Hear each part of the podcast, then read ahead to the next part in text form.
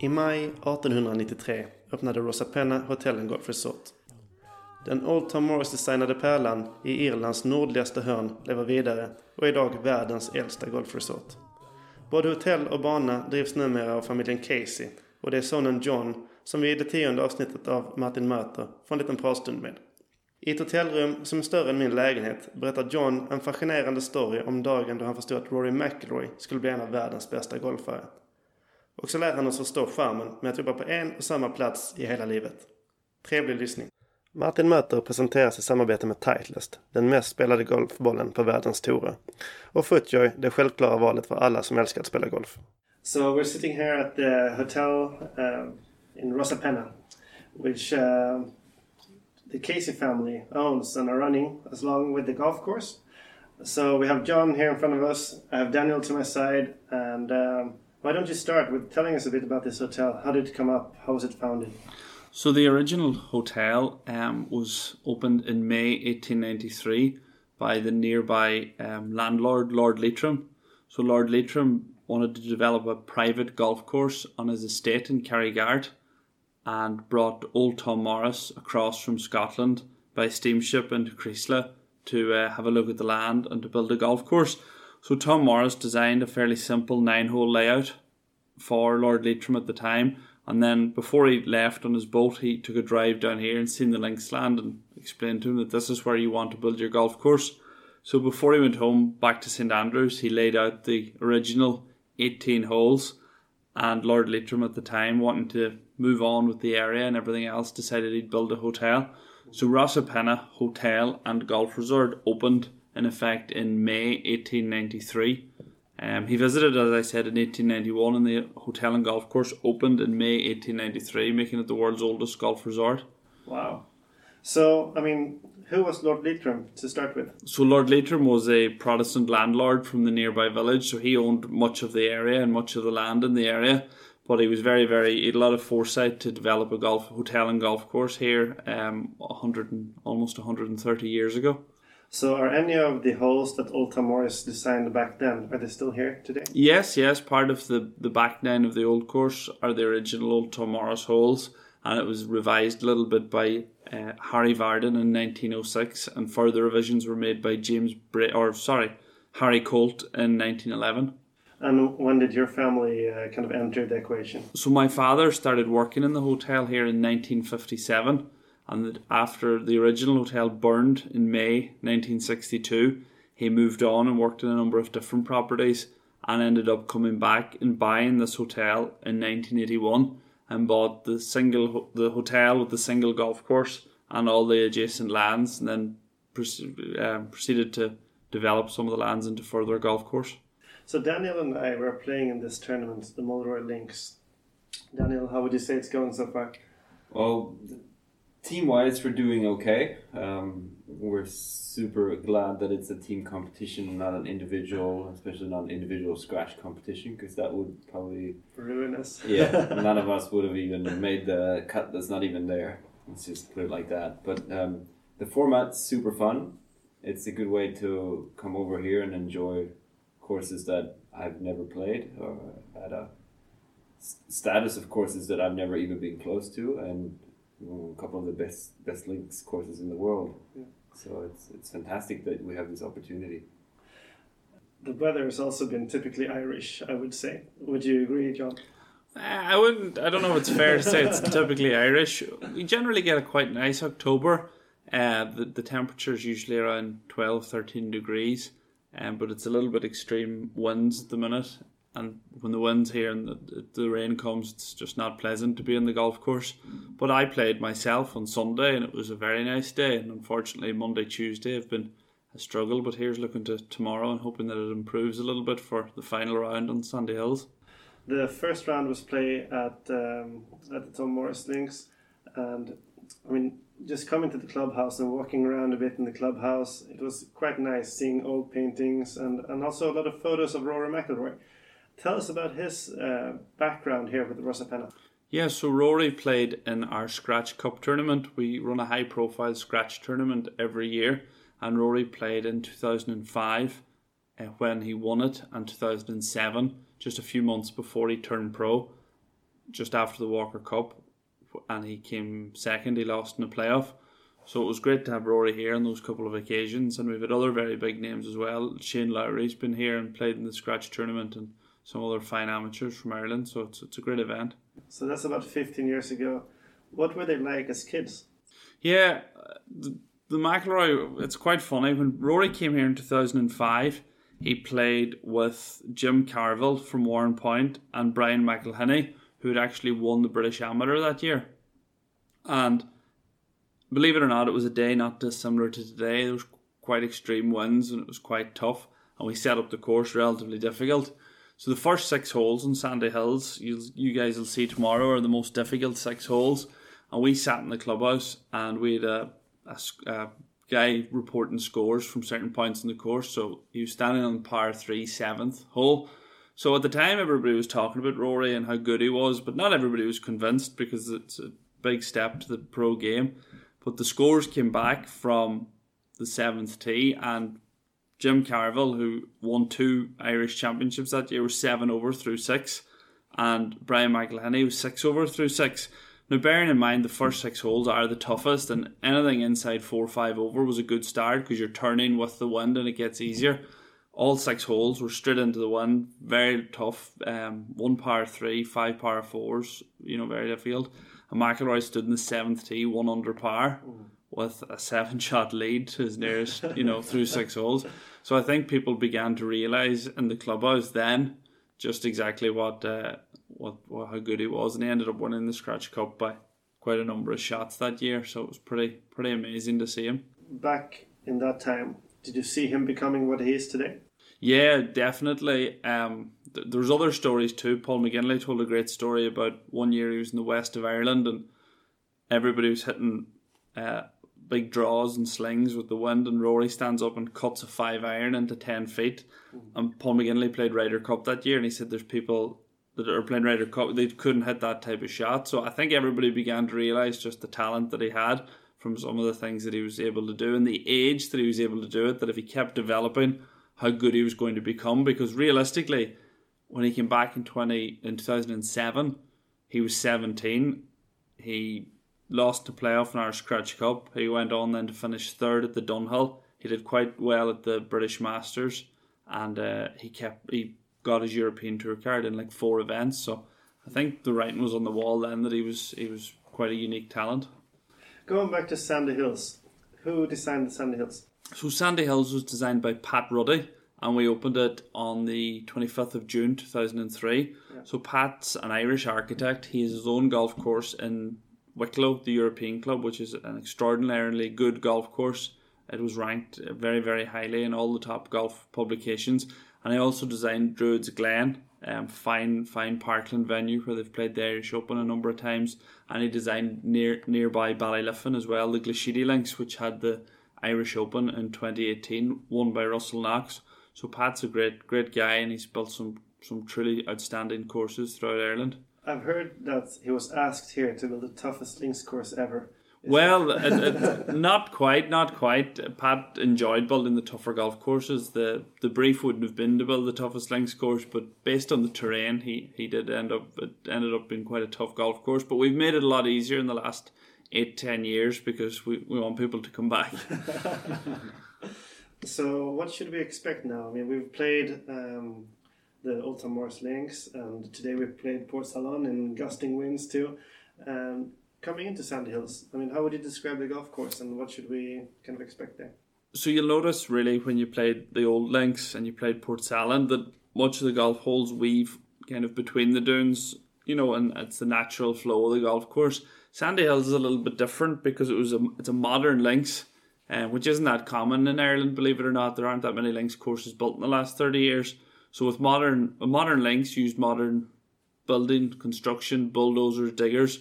So while the old course kind of weaves through the dunes, and Sandy Hills goes right over the top of the dunes. So the first five or six holes, you really start to gain elevation and you get terrific views across Sheephaven Bay. But you really play along the top of the dunes. It sometimes adds to the difficulty because if you miss left or right, your ball can go down a, a ravine as such. But it, it's pretty unique and special that you're playing up through the dunes because at times you feel like you're in the clouds as opposed to on a golf course. And uh, Daniel, now you've played a few links courses. We started at Ballyliffin, playing both the courses there, and uh, then we came here in Portsalon. I mean, how would you describe your experience so far on the links of Ireland?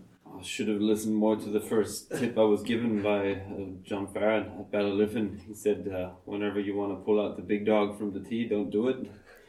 Uh, should have listened because I've lost quite a few balls. Uh, not today. Um, yesterday was a rough day in the wind, um, but I'm enjoying it. It's um, seeing different different aspects of my golf game compared to what I usually play at home, and it's um, it's quite refreshing to be able to have uh, fun on a round in gusting winds above 23 miles an hour and a bit of rain. Because normally we said it today, I probably wouldn't step outside the clubhouse on a day like today, mm. uh, but we did, and I quite enjoyed it more than I thought I would. So I'd be happy to come back, and it would be amazing to try these courses in different uh, weather as well, just to see how how good I can play them then. But I guess True Links is you're not supposed to play them in good weather, so. For those who's never been here, John, how would you describe the difference between an Irish links course and a Scottish links course or a British links course? I mean, to me, it seems like it's a bit more rough here. The the sand dunes are bigger. The rough is yeah, you know, wilder. Certainly, you would see a lot of the traditional Scottish courses wouldn't have the same topography. The dunes in Ireland are bigger. The west coast of Ireland, as a result of millions of years of crashing waves, we've really high sand dunes. So you look just down the, the seaboard where you have Ballyliffin, Rosapenna, Portsalon, Portnoo, County Sligo, um, Enniscrone, Carne you really Carne is some of the largest dunes in, in, in, on any golf course, and you really see dunes and, and you know you play golf through you know totally different landscape and totally different topography. Obviously, the golf in Scotland is absolutely terrific, but the dunes on the likes of St Andrews and Carnoustie and even Turnberry just wouldn't be the same as what you'll grow accustomed to seeing on the west coast of Ireland. I guess you could say it's a downside, but it's also a, a, a positive thing. It'll take you three, four hours to drive from Dublin to get here. I mean, of course, the commute from Belfast is a bit shorter, and, and you have other airports too. But to get big mass tourism is a little bit difficult, isn't it? I mean, to make them drive for four hours to play their golf. Yeah, it certainly is. Um, we see ourselves very much as a destination. Mm. Uh, a lot of other links courses kind of operate as legs, where you might go and play, you know, a course in the southwest and then move on and play a different course in the southwest, changing hotel. But at Rosapenna, we have a lot of continental Europeans that come and stay five or seven nights, and they'll play maybe a couple of rounds on each of our courses. They'll go to neighbouring Port Portsalon.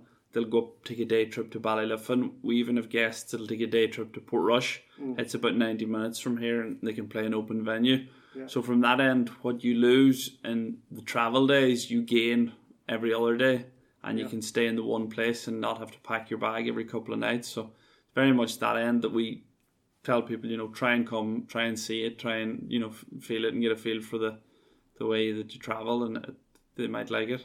So, what is it like running Europe's oldest, the world's oldest golf resort uh, today? I mean, what are the most important things? Yeah, it's it's exciting. You know, it's nice. Our business has changed a little bit in the last ten years that we see a lot more continental Europeans and we're seeing a good increase in American traffic. Mm. So, as I said, we get a lot of uh, Germans and Dutch and, and, French and some Scandinavians. We also get a lot of North Americans because they're attracted to the links courses. So, it's nice to have people that come from all over the world and come and see Rosapenna for the first time. And it's nice also to see those people coming back because a lot of the people that come here might be accustomed to going to a place once, but we seem to get a lot of people coming back. So, it's nice to think that we're doing something right that people want to return. What would you say is your biggest sales point? I suppose it's the links courses. We are a links resort. Mm. Um, we're a family run hotel. You, do very well to come here and not meet myself or my parents or my brother Frank. One of us is here all the time. Most of us are here all the time. So I'm based generally in the hotel here, and Frank's based in the pro shop. So we, we know all our guests and we know all our guests coming back. And it's very nice that I travel to golf shows and I, I meet people and then they come and they, they meet me as well when they arrive. Mm. I think it, it kind of reinforces the family run end of the hotel and, and they see me everywhere. I always get the, the jack of all trades joke um, because I move around and I work in different parts of the hotel. But as I said, it's a family run operation. We're open for seven months of the year. So it's good to be here when we're open and busy. Would you say you were born into your position? Yeah, possibly. Yeah, I've I've I've worked here full time for the last ten years, but I worked here at least 10, 12 years before that. So, but I like it. I like meeting different people. I can talk about golf all day, so I enjoy talking about golf with people from all over the world. How old are you today? I'm thirty two. So that's pretty much your entire life then. Yeah. yeah. Would you say? I mean, would it even be a possibility for you to quit and do something else? I don't think so. I enjoy working. You know, I, I, I do love golf. You know, I watch a lot of golf. I've travelled a lot of golf tournaments. I'm very aware of what's going on in the world of design and new golf courses. So, if I ever were to work in anything else, it would be golf. But our position affords us flexibility that we can go to tournaments and go to events in the winter time. My brother and I have been to two Masters. We were there in 13 and 17. I've been to three or four British Opens. I've been to the Ryder Cup. So it's great that I can experience all these events, you know, and make contacts and also promote the resort at the same mm. time. But what is it with golf that, you know, gives you the passion? I mean, don't you ever get sick of it? Don't you get tired of it? I mean, I've had multiple times on the golf course where I'm about to walk off, but then the next day I want to go back again. But do you ever get tired of being in the business? No. I don't think so. I think that's kind of the attraction of golf. We have golf societies that'll come here from Northern Ireland, and you've people, I say my age, but they're actually a lot younger than me. You've guys that are 24 and you've guys that are 70, 75, and they're all in the one group and they all enjoy each other's company and they all play together.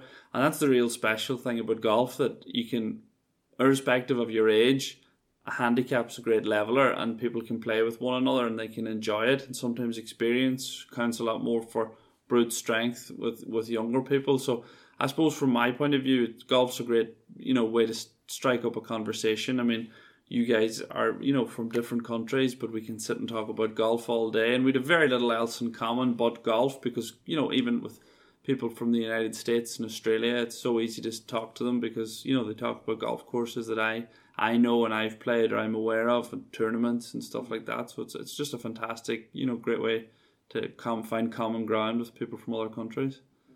When somebody has that experience where they think about quitting golf because everything goes to shit, what would you tell them? Well, I'd tell them just relax and, and, and wait until it's finished and come into the bar. That's the good thing about Ireland that we've our golf culture is, is only followed by our drinking culture. So they can come into the bar. We have I think fifty seven different whiskies in our bar, and we've we've some nice local craft beers. So I'm sure you can find something to yeah. to make those bad holes go away. we actually had a beer from uh, a local brewery just a little while ago. Yeah. What was it called, Daniel? Well, we should have remembered that. Some some local Kinnegar. Yes, Kinnegar. Yes, it's rust bucket. Yeah, brewed in Rathmullan, which is very close to Port Portsalon golf links, but it's it's top class. It's very very popular, and it's it's great for the great for the area that we have some indigenous products like that. Yeah, it was super tasty, and Martin definitely needed the the resetter after the round today, so he was. This went down quite quickly today. good, good. and that's where we stop. Now, uh, well, is there anything else you would want to, to add to this conversation about Rosapenna before we, uh, you know? I suppose just down? to reiterate the point that I was I was making that you know Rosapenna is very much viewed as a destination and it's somewhere to come for a you know a slightly longer period to negate those travel times. Unfortunately, we don't have an airport very close, and you know many of our customers do travel through Dublin, and they just have to take the first day and the last day as a travel day. But when you have five or six days in between where you have very little driving, and you guys will have seen today, Port Portsalon is 21 kilometres. Yeah. It's less than 20 minutes in the car, so it works really well that you have three links golf courses, you know, very close by. And it's more. a very scenic route as well to drive. We, we, we drove both ways, the north the north route there and the south one. Yes. South of the of the lake and or the, the inlet, and it was super beautiful. So I mean, it it was a bit of a wow factor for us as well, just to drive there. So it's not a it's not a bad thing. Yeah. Also, we must mention uh, in this golf tournament we're playing at Mulroy Links is it's about 450 euros to play, and you get three rounds of golf. And you get four nights here. Three, Yes. Three or four nights here, and you get dinner. I mean, how do you make any money from that? Yeah, it's four four nights bed and breakfast, three golf and two dinners for just under five hundred euros. So it's it's good. It's the time of year. Uh, we're a seasonal property. We close in a couple of weeks' time, so it's just a nice little um, bonus tournament at the end of the year. And people, we've we've this is our third year. It's quite a funny tournament. We have a small amount of teams because everybody's to stay in the hotel. But we have team. We've three teams from North America. We've you guys from Sweden, and we've guys from from other places. So it's phenomenal that we get you know this mix of people, and we've people that have come all three years since we started. So we're very very happy with it. We'll try and increase it to maybe 12, 12, 12 teams would be about our limit. But it's it's nice to get a mix of people from different countries. It's wonderful. We're very happy to be here. Thank you. Thank you so much for joining us, John. It's been great, and we're looking forward to uh, our final round tomorrow. Yes, thank you. Efter att ha spelat samtliga 36 hål, både på Ballyliffin och Rosapenna och 18 hål på Port Salon, har vi fått vår beskärda del av både vind och regn. Faktum är att vi i mångt och mycket spelat i efterdyningen av ett landstormen Lorenzo. Vi klättrade över sanddyner som kändes som Mount Everest och möttes av de kanske mest dramatiska vyerna europeisk golf att bjuda på. Och mer lär det bli. Hösten 2020 planerar familjen Casey även att öppna St. Patrick's Links. En 36-hålsbana som för en herrans massa år sedan designades av Eddie Hackett men som sedan försvunnit. 2005 fick självaste Jack Nicklaus uppdraget att pimpa upp banan, men i samband med finanskrisen sprack planerna. Nu ska Tom Doak färdigställa mästerverket. Så det finns flera anledningar att komma tillbaka till Rosa Penna. Efter många svordomar och nästan lika många pint skinnies slutade vi fyra i Mulroy Links.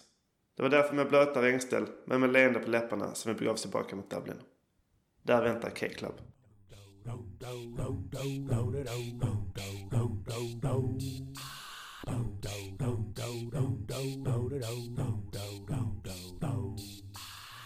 la, la.